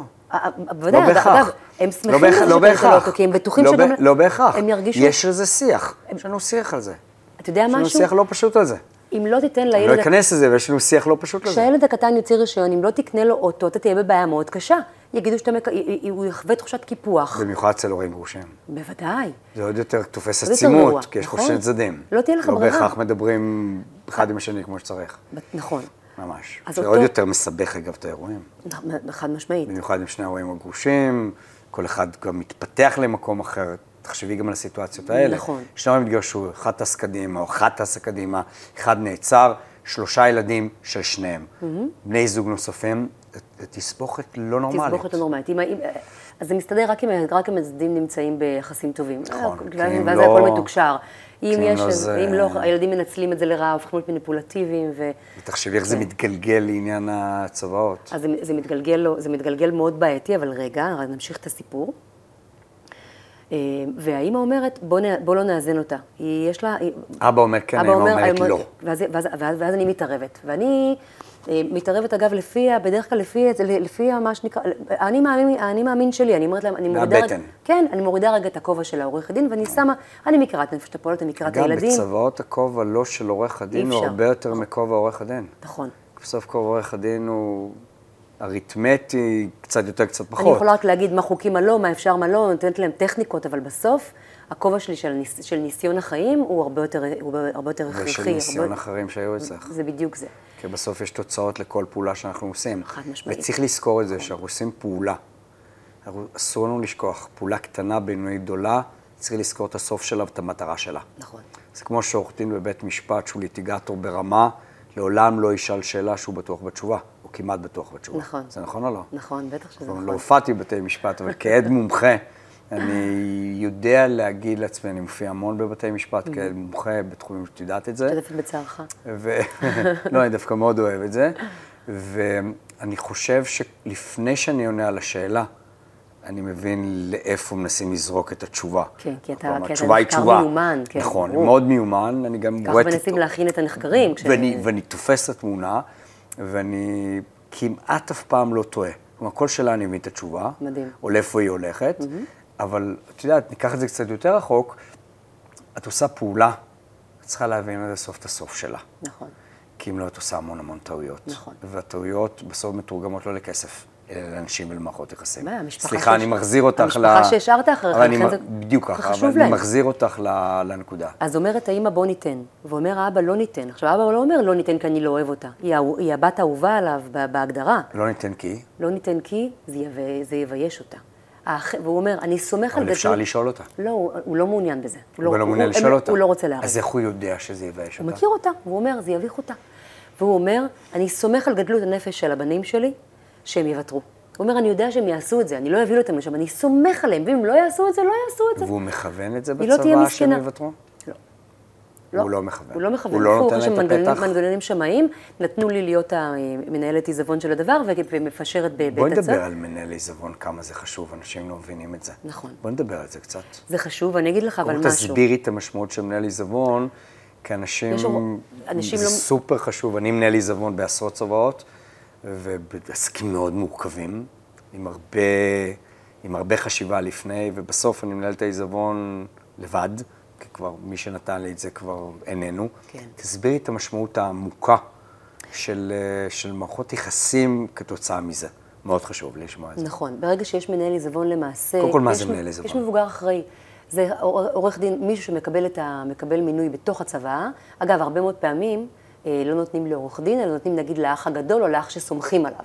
ואז יש לו מעין זכות וטו, אה, לא בדיוק זכות וטו, אבל זה, נותנים לו לקבל החלטות איזה סוג של? למשל, אה, איך מוכרים נכס, מתי מוכרים אותו, אה, איך מחלקים אותו, כמובן שלא, כי זה ההורים החליטו, אבל אה, באיזה תנאי שוק מוכרים אותו, אה, באיך מעבירים אותו וכולי. למה זה כל כך חשוב שיהיה מנהל עיזבון?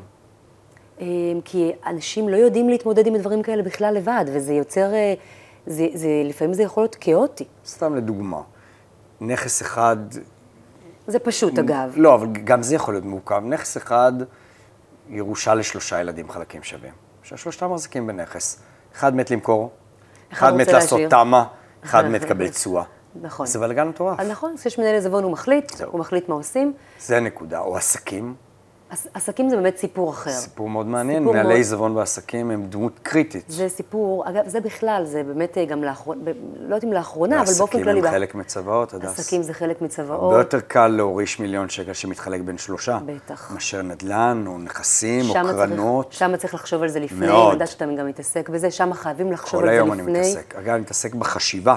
הביצוע קל, החשיבה מאוד כן, חשובה. המשכיות עסקית בחברות פרטיות, העברה בין-דורית אה, ב- מראש, התכנון הזה הוא סופר קריטי.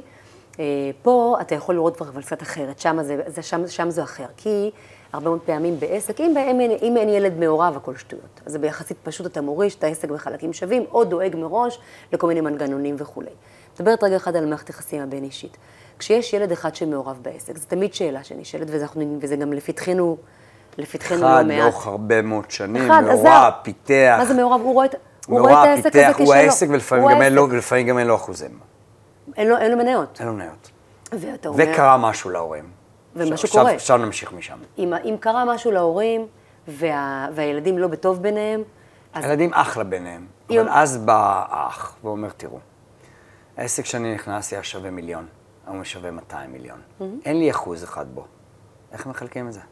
אם הילדים חכמים, אז הם יגידו, אחי, קח לפחות 50 אחוז, וכל השאר יתחלק בינינו. למה שהם ייתנו? למה שיוותרו על 20 מיליון שקל כל אחד? אם חכמים, משום שהעסק, כי כל עוד העסק הזה יתפקד, אם... שאנשים רואים כסף מול העיניים הם חכמים? לא, לא, זה בדיוק, זה כסף יעבר עיני חכמים, אנחנו, זה משפט אולי לא הכי נכון שיש. לא סתם זה נאמר. לא סתם זה נאמר. אני ראיתי אנשים מדהימים, טובים, ישרים, הגונים, שרואים כסף ומתהפכים. לכן שם, אגב, לא לעשות צבא בנקודות מהסוג הזה, זה חוסר אחריות משווע של ההורה. עכשיו, כשיש ילד כשיש ילד שהוא דומיננטי, אז או לתת או, או כבר לבצע איזושהי העברת מניות, או בצוואה לתת לו או את העסק כולו ולאזן אותו עם השאר אם יש, או לתת לו יותר ולאזן אותו עם השאר אם יש. עכשיו, פה במקרה הזה, בגלל שהילד כל כך מעורב ואתם כמו שותפים בעסק, אז, אתם, אז, יש, אז הסיטואציה אחרת, אתה מתייעץ איתו, הוא שותף שלך. ואז פתאום אתה מגלה ילד, עכשיו, או שהוא mother fucker, והוא כזה ככה, אה, אומר, מה פתאום, אני לא נותן לאחים שלי כלום, ואתה מגלה דמות שאתה מתבאס. כי אתה, אתה אומר לעצמך, אני לא הולך, הולך להשאיר אחריי משהו כאוטי. לא תכננתי, אני, הורים באופן כללי רוצים להשאיר אחריהם משפחה מגובשת. יל, אתה מביא ילדים, כדי, אתה מביא להם מתנות, אח זה מתנה. וכשאחים ביניהם לא, מסתכסכים ולא מסתדרים, אתה מרגיש שנכשלת הרבה פעמים כהורה. זה נורא מבאס. אז במקרה הזה, בלהשאיר, להשאיר צוואה חכמה, או לעשות את ההמש, לעשות, ההמשכיות בחברה משפחתית, להשאיר המשכיות עסקית נבונה, זה, זה, זה, זה אתגר. תשמעי, אני אספר לך סיפור. ספר לי. בסדר? אספר לך שניים, ככה. הזמן רץ ואין לנו עוד הרבה זמן, אני חייב לספר, כאילו, שאנשים יבינו. אמ, אני מכיר אה, זוג הורים, עמיד, אנשים טובים, ישרים והגונים, שהיה להם שני בנים. שניהם בסדר. שניהם מבחינים טוב, שניהם מוצלחים, כל אחד בתחומו. Mm-hmm. האב חלה, וחלה לאורך הרבה מאוד שנים. ומחלה שנמשכה לאורך הרבה מאוד שנים. לא מוות מיידי, אלא כזאת הידרדרות שהולכת יורד לאורך 10-11 שנה. בן אחד, שבאופי שלו הוא אדם מאוד מסור ואיש של אנשים, כל חייו, ובטח בתקופה הזאת, ליווה את ההורים גם כלכלית וגם נפשית, והיה שם. היה שם כמו, כמו אבא, mm-hmm. ממש במובן הזה. בן אחד לא, בן אחד חתך. לאו דווקא איש רע, פחדן, ברח החוצה. Mm. היה דיון בין ההורים, והם עשו צבא הדדית, אבל בצבא הדדית גם אתה עולה ודל הלייר השני. בצבא הדדית, אחרי דיון מאוד מאוד עמוק, אבא אמר, אני לבן השני לא מוכן לתת כלום. האימא אמרה, לא יקרה. היה ביניהם דיון מאוד ארוך, בסוף החליטו לדלג על הבן ולתת לילדים שלו, וגם כן לא בחמישים-חמישים. כן, זה קורה לא מעט. אבא נפטר, mm-hmm. הצבא נחשפה. Mm-hmm. הבן השני, שהוא סופר מוצלח, קרא את הצבא, הודיע לאח ולאימא ביום של האזכרה של האבא, מספר 2, שהוא מנתק את המגע. וככה קרה לאורך שנים. ותראי את הסיטואציה. דווקא האימא, מאוד, mm-hmm. סיפור, דייקתי לך אותו, אני פשוט מכיר אותו כי התייעצו איתי ביחס אליו. דווקא האימא ניסתה להגן על, על אותו בן, והוא שילם על המחיר, ובכלל האח, ידעו בכלל לא, לא ידע מה הסיפור הזה. אבל הכל יצא, ועד היום ניתוק של שנים, וכבר אי אפשר לאחות אותו. ואני, ואני גם מכיר סיפורים הפוכים של בעלי עסקים, של מאות מיליונים, שיש בן אחד שהוא מאוד מאוד דומיננטי, אבל האבא ממש מתעקש שלמרות זה ולמרות הכל, באיזשהו איזון קטן, העסק יתחלק בצורה שווה. הוא עד כדי כך מתעקש, שהוא מוכן למכור את העסק oh, ולהיפגש wow. עם המזומן כדי לחלק את המזומן ולא להגיע בכלל למצב של הזה. כלומר, את שומעת אין ספור סיפורים. אני, אה, במסגרת האקדמיה שלי, במסגרת אה, ה-PhD שיש לי, הנחיתי דוקטורנטית בהעברה בין-דורית. ארבע שנים ליוויתי אותה, וראיתי הכל. Mm. גם ראיתי את המטריה, גם ראיתי, ואת יודעת, היא לא פתורה. בסוף היא מובילה אותנו לעניין שכל מקרה הוא באמת מאוד מאוד רגשי, אם רגשי ולגופו. אם אני חוזרת למקרה שסיפרתם, עם ההדדית של לדלג, הילד חווה עלבון. נכון, אבל, עלבון. אבל הוא הוציא את העלבון על שני האנשים הלא נכונים. כי העלבון, אם היה, הוא היה כלפי האב. מבחינתו הוא נושל. הוא נושל, הוא לא רואה את זה. אותו. איש אינטליגנטי להפליא. הוא מבין שהאימא... מצליח ומרוויח מיליונים שנה. הוא מבין שהאימא נתנה פלסטר, הוא מבין את זה, אבל זה לא מספיק, הוא כועס על האבא. התעקשה, האימא התעקשה על הפלסטר, אבל בסוף האימא משלמת את המחיר. האימא משלמת את המחיר. ואח משלם את המחיר, ואין לו שום קשר לזה. זה... וממש אין לו שום קשר. אח, אני אומר לך, מידיעה אין לו שום קשר לזה, ולאמא אין שום קשר. זה עצוב ולא פייר, אבל זה המצב, ואת יודעת מה? כשאני מסתכל על זה מהצד, אני יכול להבין את הרגש של אותו אח. בטח, העלבון הוא... אני יכול להבין, אני לא מקבל את זה, כי, כי אני יודע את פרטי המקרה, אני יודע אותם עובדתית, אבל אני יכול להבין את זה, ואנחנו מבינים, אנחנו בעצם מגיעים למקום שאנשים, אם הם לא מעמיקים, זה חבל, כי הם באמת יוצרים במו ידיהם בעיה, וגם אם הם סופר מעמיקים, הם לא יודעים לאיפה זה יתגלגל. ולכן החשיבה שאני מבין שאת עורכת, היא חשיבה שיש לה משמעות אישית הזויה. כלומר, את יודעת, אנשים כן. לא מבינים שאנחנו עושים פעולות משפטיות, שהן בסוף פעולות משפטיות, אבל הן לא פעולות משפטיות, הן פעולות שכרוכות באנשים. ואנחנו מדברים על זה, ואני כל פעם, בכל שיחה שיש לי בפודקאסט שלי, אני רואה כמה בסוף הכל מתחבר לאותו מקום, בטח. שקשור לאנשים נכון. וקשור ליחסים. הכי מרגש, אגב, לראות גדלות נפש. נניח האח, שאתה מתאר, כל מה שהוא צריך לגלות זה גדלות נפש כלפי, כלפי האח והאימא, כי הם באמת לא אשמים. ואני מניחה שהכאב והשבר הוא עצום עבורם. וזה... כאב עצום. כאב עצום. וכאב עצום במובן הזה שאפילו גם הוא לא מוכן שישיתו לו יד. וזה כבר, את יודעת, זה כאילו לפעמים מגיע למקומות בלתי אפשריים. וגם יכולה להיות אישה שאומרת לו, תתאפס על עצמך, אתה עושה עוול לאימא שלך ולאח שלך. ויכולות להיות ילדות שם, נכדות שנפגעות. את מבינה, זה כאילו סיפורים סופר מורכבים. בטח. ואנשים נהרסים. כן. ובוקר אחד אנחנו קמים בבוקר, אחרי 15 שנה, ואנחנו מגלים שאיבדנו 15 שנה עם, עם אח או עם אימא. והאימא יכולה להיות מבוגרת ולמות כל יום, ואין כבר לא... חזרה. כן, הוא קרא על זה בעיתון. והוא קרא על זה בעיתון. וזה סיפורים שהם סופר עצובים. ו... וכל זה בגלל כסף. זה אבל זה כי, כסף. כי כסף מתורגם לרגש, ורגש הוא... אבל כסף הוא לא זה כסף. זה דבר מורכב. כסף הוא מערכות יחסים. נכון. וכסף אנחנו, אנחנו משתמשים בו, אנחנו קונים אותו, אנחנו נלחמים עליו, אנחנו מאבדים אותו, אנחנו מרוויחים אותו, אבל אנחנו לא מבינים שהוא מקפל המון דברים שזה לא כסף. ואני מדבר על זה הרבה, כשאני מדבר על, במנטורינג שלי, בהרצאות שלי, כשאני מדבר על מערכות יחסים של משהו למשהו, אחת ההרצאות הכי מבוקשות שלי, mm-hmm. זה מערכת יחסים של כסף עם עוד משהו. Mm-hmm. ו... אבל אני מסביר לאנשים, הרבה מניסיוני, ואני פשוט אומר להם, להסתכל לעומק. כי זה נורא סקסי, כסף זה נושא שכולם אוהבים, כל, כולם רוצים אותו, כולם חושבים בו. כל אחד מה-100-200 אנשים ששומעים אותי בממוצע, כל אחד שאני פונה אליו במהלך ההרצאה, כן. מספר לי כל אחד את הסיפור שלו עם כסף שהוא לא כסף. ואנחנו נוגעים בזה היום בסוף של העניין, mm-hmm. כי הצבא יהיה הסוף. אבל תראי כמה דברים אנחנו מקפלים לאורך כל הקו. נכון. את חושבת שיש לזה איזשהו פתרון קסם? בוודאי שלא. אז מה כן? אין פתרון. מה כן העצה שהיית בו... כן נותנת מניסיונך? הייתי... מה עצת הזהב? הרי יש תמיד איזושהי עצה אחת שמקפלת ניסיון של 20 שנה בנושא. תראה, קודם כל, לעשות צוואה. לשמור עד כמה שאפשר על שוויון. לא משנה כמה יש לנו לעשות צבא. לעשות צבא, לא משנה. זאת אומרת, להתעמת עם העניין. חד משמעית. כמה, לאנש, כמה לאנשים בוגרים יש צבא בסטטיסטיקה? את יודעת להגיד לי? אני יכולה להסתכל... מהאוכלוסייה אה, הבוגרת במדינת ישראל. מה, אם, אם אני לא יודעת לומר? תנחשי. 30 אחוז. זאת אומרת, 70 אחוז... הם בלי. הם בלי צבא? כן, כי אני יכולה להגיד לך את זה מהמיקרוקוסמוס של המשרד שלי. אגב, הייתי, הייתי חושב ש-70 אחוז עושים צבא. מה פתאום? כי בעיניי זה obvious.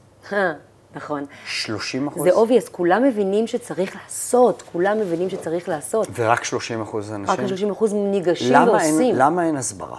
כמו שיש הסברה על מלא דברים. להפסיק לעשן. לא יודעת אם המדינה זה כזה חשוב, הרי צריך שיהיה איזשהו אינטרס של המדינה, לא, אבל למדינה כן צריך להיות חשוב. כי את יודעת, בסוף ה-well-being של אנשים, זה לא אוניברסיטה, זה לא אקדמיה, אבל בסוף זה אנשים. ואנשים ש, שיודעים ויש להם ודאות ויש להם מערכות יחסים, תורמים למדינה. תחשבי על זה גדול. Mm-hmm.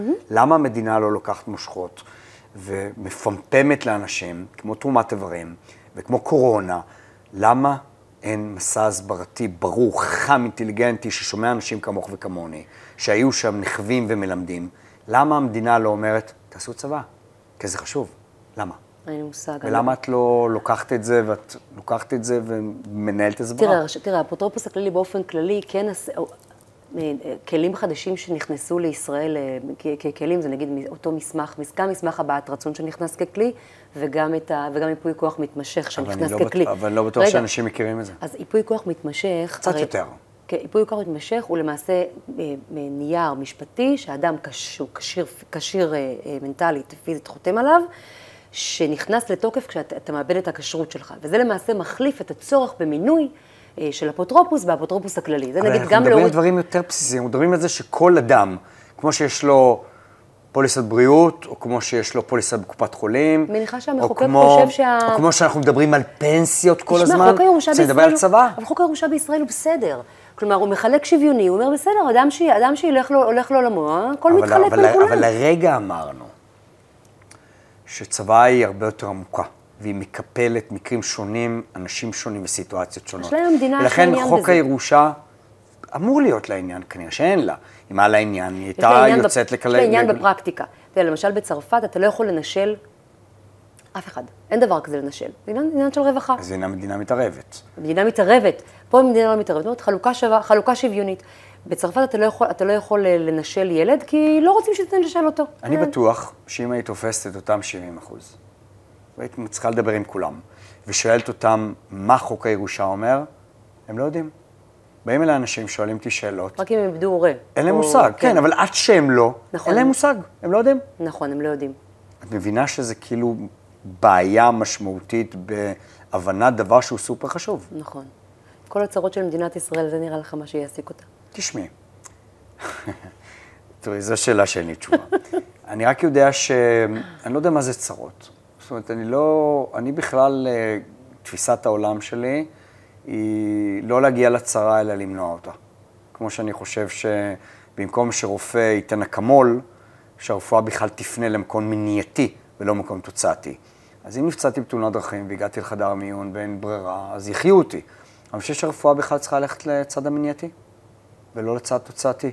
ואני בטוח שבפקולטה לרפואה 90% מדברים על התוצאות ולא על המניעה. ואני בכלל מאמין, כן, ש... בכלל אני מאמין שהעולם צריך לחשוב בכלל מניעתי. למנוע מקרי ביטוח, לקרום, למנוע מקרי מוות, למנוע תאונות, כדי לא לטפל בהם, פשוט למנוע אותם. יש לך חוקים וקנסות ואכיפה, ואם זה קורקינט, יש לך קסדה. אבל אני חושב שצריך לדבר בכלל על צדדים לא של קנסות. קנסות מניעתי זה, זה מניעתי במובן הטכני. אני מדבר על מניעתי במובן שבכלל לא להגיע לקנסות. ובכלל לא להגיע לסרטנים, ובכלל לטפל בדברים לפני שהם קורים. ואני חושב שהעניין הזה של צבא, זה אם את אומרת לי שיש לי אלף צרות, אז אני אומר, תמנע את הצרות בזה שתדבר על הדברים האלה שלפני הצרה. לכן אני כן חושב שהקטע המניעתי, ההסברתי, צבא נכנסת בין שאר הדברים שקשורים לדעתי מאוד לאנשים, כן. זה דבר שצריך להיות מטופל מעומק, מהבסיס חקיקה שלו. החקיקה פה היא מתקדמת, היא טובה, יפה. אה, נכנס גם לא מזמן סעיף של 8א שמדבר על ההדדיות הזו וכולי, ושומר על הצדדים. החוק, חוק הירושה בישראל הוא משוכלל, אה, והכלים שנכנסו לאחרונה הם טובים. כלומר, האפוטרופוס הכללי בכובעו כגורם ממשלתי, עובד, עובד ועושה, ועושה עבודה. העניין ההסברתי, לא יודעת, יכול להיות שצריך באמת אולי לעשות איזה קול קורא על הנושא אתה, הזה. בוא, בוא ניגע בדבר שיש לו איזשהו קשר. חוק יחסי ממון, mm-hmm. בסדר? שמחלק באופן יחסי.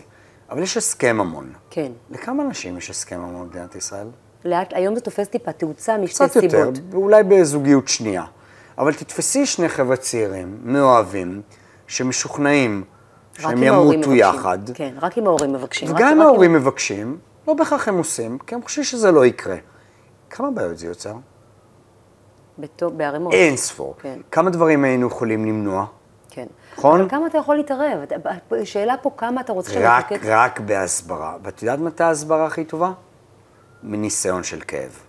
ברגע שמשהו כואב לך, את יודעת להסביר איך אפשר למנוע אותו. כלומר, מה שאני מנסה לומר, ואני חוזר על זה בכל מקום אפשרי, תטפלו בלפני ולא באחרי. והלפני הוא חשוב, כי אנחנו לא באמת יודעים מה יקרה מחר בבוקר. נכון. כמו שאמרת. נכון. אנחנו מפחדים לדבר על צבא, כי אנחנו מפחדים מהמוות, אבל נכון. זה לא ישנה. כן יהיה לצבא, לא יהיה לנו צבא, אנחנו נמות. זה יכול לפגוש לנו במקום שאנחנו יכול לפגוש לנו עוד דקה. נכון. וכן, אנחנו יכולים להתגרש. כשליש מתגרשים בישראל, ובעצם זה חצי, כי אם אנחנו מנקים החוצה את הקהל הדתי, נכון. ואת הקהל הערבי, ששם הגירושים יותר שכיחים, אז מדברים על זה שחצי מתגרשים. נכון. אז מה, זה קורה. נכון. אז מה, נטמון את הראש בקיר וזה יגיד, לא יקרה? כלומר, עוד פעם אנחנו מדברים על הצד המייניתי, ואת אמרת את זה. אנשים מפחדים לדבר על צוואה, משום שהם אומרים, לא נתמודד עם זה, אבל זה יקרה לנו. אז בואו יקרה. נתמודד עם זה ונדבר על זה לפני, נכון. ולא אחרי, ונשאיר את הצרה הלא פתורה הזאת ליורשים שלנו. נכון, אתה צודק במאה אחוז, אתה צודק לגמרי. אני, אני למשל התמודדתי עם זה בחיים האישיים שלי, ואני אתן איזושהי דוגמה. אני למעשה, אני איבדתי את אימא שלי לפני חמש שנים, סרטן, ו... על הצבא? בוודאי שלא הייתה לה צוואה. בוודאי שלא, סביבי, בוודאי לא שלא הייתה לה צבא. לא הייתה לה צבא. ואני בטוח שהיא הייתה אישה אינטליגנטית. ומוארת וחושבת. מאוד. וזה אפילו הפחיד אותה להתעסק עם זה, זה היה בעיניה, מה פתאום, זה ממש לא רלוונטי. 70 אחוז. אני בכל מקרה נותנת 70 לכולם... אחוז זה 7 מ-10, זה המון. ממש. אני בכל מקרה נותנת לכולם באופן שוויוני, מה זה חשוב? זה חוק הירושה, היא כבר הספיקה לרשת את ההורים שלה והכירה את, הסיפור. היא אפילו נחוותה בו אולי. קצת, כן, האמת שכן. אה, אבל בסדר, זה סיפור אחר. בכל מקרה, העניין הוא כזה שאני באותה שנה אה, קיבלתי ככה, אתה יודע, זה נותן לך, זה איזושהי סטירת לחי כזו לאבד הורה. הורה שיקר ללבך, אבא פעם ראשונה שאתה? פוגש אבא בחיים. אתה ואתה פוגש אבא נורא עצוב וכולי, אה, ובאותה שנה, אה, זה גם, גם פוגע בזוגיות אגב, כשאתה, כשמאבדים הורה, ובאותה שנה שהתגרשתי, אה, ספוילר, הבעל הקודם שלי איבד את אבא שלו. חצי שנה לפני, לפניי למעשה, חצי שנה, אני, היינו באות- באותה שנה פעמיים בהלוויות, בתי חולים. לא, זו שנה, הייתה שנה כאוטית מהבחינה הזאת. וילדות קטנות בבית כזה, רק התחלה של הילודה וכולי, באמת קיצוני. אה, וזה העיר את שנינו, כלומר, באיזה מובן? במו- במו- אני, אני, אני עד היום סבורה שאנחנו אה, התגרשנו אה, בגלל, בין היתר, זאת אומרת, שנינו למעשה התגרשנו בגלל האובדן. שנינו הבנו שאנחנו פה זמניים, שאנחנו מתישהו נלך לעולמנו, ואנחנו צריכים לחיות חיים מאושרים, וואו. מקסימליים. באופן, מדהים. זה מדהים. ו- זאת אומרת, האובדן האוב- גרם לכם לחשוב ש- שהחיים את ה- קצ- את שהחיים קצרים. שהחיים קצרים. כן, אנחנו לא ממש יודעים מה יהיה ככה. מחר בבוקר. לגמרי. ואז לא. אנחנו מקבלים החלטה בעייתית. מתגרשים, כי אנחנו רוצים שיהיה לנו טוב. נכון. זה מדהים. מדהים, מדהים כי זה בעיניי. ממש, ממש ירידה לצורך עלייה. לא, לא במריבה, לא ברע, לא אפס אגו. בבגידות, אפס אלא אגו. פשוט ההבנה הזאת, כן. שפשוט זה לא מתאים. זה לא מתאים. מדהים. זה לא מספיק טוב. וזה בא בגלל האובדן ששניכם חוויתם? זה, זה קרה בדיוק, זה קרה מיד אחר כך. אבל שדיברתם ביניכם, זו הייתה הסיבה? כן, אנחנו יודעים להגיד שזה כנראה, שזה לא, זה, זה, זה, לא, זה לא סיבה, זה כמו קיקר, כאילו, זה כן, נותן לא. לך איזה, זה נותן לך איזה... אבל זה משקף. זה משקף, זה נותן לך, זורק אותך למקומות של מחשבתיים שלא היית חושב עליהם לפני כן. אז אתה מתבונן רגע אחד פנימה לרמות אושר. אם אתה אדם שאכפת לו מהאושר שלו ואתה, ואתה, ואתה רוצה לחיות חיים מאושרים וטובים, אז אתה מתבונן רגע, אתה עוצר לחשוב, וזה גורם לאנשים לחשוב. ובנקודה הזו, זו גם נקודה שאנשים הרבה פעמים עושים צוואה, לא מתגרשים בהכרח, כן? אבל הם בהחלט בודקים, אולי הם מחליפים עבודה. צבא? יש לי טיוטה. יש לך טיוטה. חצי דרך. אחותי הכינה לי אותה. את- יש לך טיוטה. כמה זמן את. מתלבטת? כבר שנה? יש לי טיוטה כבר איזה כמה חודשים אז- טובים. אז את, שאת מכירה את הכל, מתלבטת שנה? לא, האמת כי התחתנתי אז שוב איזה פעם. מסר אנחנו אני אגיד לך מעבירים? אני אגיד לך את האמת, לא, התחתנתי בשנה שעברה שוב, אוקיי. אה, וזה יושב לי, איזה, אני לא מגובשת, לא הספקתי להתגבש, כי אני רוצה לדעת איך אני עושה את זה. אבל אה, את זוכרת, החיים קצרים. החיים קצרים, ועל אף שיש לי הסכם ממון עם הבעל השני שלי וכולי, אני כאילו עדיין חושבת על הצבא, ואני רוצה לחשוב מה אני כותבת ואת. חושבת איתו? עם הבעל השני, עם הבעל הראשון? יש- או שאת חושבת עם עצמך? עם עצמי, עם עצמי בעיקר. כי בצבא זה דבר מאוד אישי בעיניי, כאילו, לכן אני גם לא חושבת שהורים צריכים לשתף את ומתי את הילדים הולכת שלהם לחתום. עליה? זה יקרה, זה יקרה, אבל עד את סוף זוכרת השנה. שאת יכולה לשנות אותה בכל אני נקודת יכולה, זמן. ואם אני אמות, היא תתגבע. אז יש איזה, יש איזה חשש שם, אבל כן, זה מחשבות. גם אני בעצמי, שמבינה את החשיבות של זה מאוד, מבינה את, את ההתלבטות, אני רוצה שתהיה, זה נייר עם ערך, ואתה רוצה לצקת לתוכו תוכן, ואולי גם מסרים וכולי. אגב, לפעמים אני חושבת על הצבא, ומה אני כותבת בתוכה, ואני יכולה לח- לחשוב בראש ולבכות. כלומר, אני יכולה לכתוב על, לחשוב על המכתב פרידה שאני כותבת אז זה מהבנות עושה שלי. אותך מאוד אנושית. זה עושה אותי אנושית, ואני יושבת רגע אחד עם עצמי וחושבת מה אני כותבת, וזה יכול לעורר בי רגשות אה, קשים. שאלה אחרונה שאני רוצה לשאול אותך, כי כבר... אה, צריכים לסיים. כבר צריכים לסיים. זה מסמך בר עיון כל תקופה בנסיבות, או שזה מסמך שזהו? זאת אומרת, השאלה שאני, לי תשובה ביחס לעצמי, או כ- כאיש ויועץ, כתב צבא. Mm-hmm. That's it? או שזה מסמך שצריך לעיין ולחשוב בו כמסמך מתקדם. דהיינו, אם החלטת משהו אחד, בהשתנות הנסיבות, את לפחות חושבת פעם שנייה, או שצבא that's it. מה דעתך האישית? עוד פעם, הניסיון שלך, גם צריך- האישי והאחר. צריך לשמור אותה גמישה, את הצוואה? יש דרך גמישה במובן של הצוואה גמישה, או במובן הזה שאת יכולה לשנות אותה? למשל- מתי שאת רק רוצה, כי את יכולה לשנות אותה משפטית. למשל, לא חכם להגיד, יש לי שני ילדים ויש לי שני נכסים, ואני מוריש לכל אחד נכס ספציפי. כי מחר משהו קרה לילד או משהו קרה לנכס, אז מה את אומרת? אז אנחנו בבעיה. אז צריך, אז צריך לחשוב על זה בצורה שונה. כאילו, אתה לא, אני בדרך כלל אומרת לו, אל תורישו נכס ספציפי, זה לא חכם, גם הערך שלו יכול מחר לעלות או לרדת. מה שיכול לקרות לנכס. ולעצמך מה את אומרת? שעוד שלוש שנים את תחשבי שוב, שתחתמי עליה. בטח, אני, אני אחשוב שוב. בוודאי, זה נייר שצריך להיות שם, הוא לא, נהיה, הוא לא חקוק בסלע. כלומר, העצה שאנחנו יוצאים מהניסיון האישי שלנו. כן, אל תיקחו את זה קשה. אל תיקחו את זה כן, קשה. זה- תעשו זה צבא, בהחלט- מחר מקסימום תשנו מחר אפשר אותה. לשנות. כן. לא, אבל המקסימום זה לא כלפי חוץ. כלומר, בחוויה שלי, כן. בייעוץ שלי כמנטור, זה, אנחנו עושים פעולות בנקודת הזמן היום. אנחנו מסתכלים קדימה, אנחנו רואים את המטרה, אבל אנחנו אנשים. והדברים משתנים לפעמים, כמו שאמרת, די רפיין. יום אחד אנחנו מאבדים, אנחנו זוכים, נכון. אנחנו מסתכסכים, אנחנו אוהבים, אנחנו מתגרשים, אנחנו מתחתנים. כן. הילדים זזים, אנחנו זזים, אנחנו בריאים, אנחנו חולים. אני חושב שכמו כל דבר שאנחנו עושים, אנחנו חייבים לשמור על סופר גמישות. נכון. גמישות מתחילה בתודעה. דהיינו, אם אנחנו בתודעה של גמישות, אני, אני רוצה להגיד לך שאני עובד מחמש בבוקר עד 12 בלילה, את מכירה את סדר היום שלי. מה שמאפיין אותי זה גמישות ואלסטיות מטורפת. לפעמים אפילו אני מפתיע את עצמי.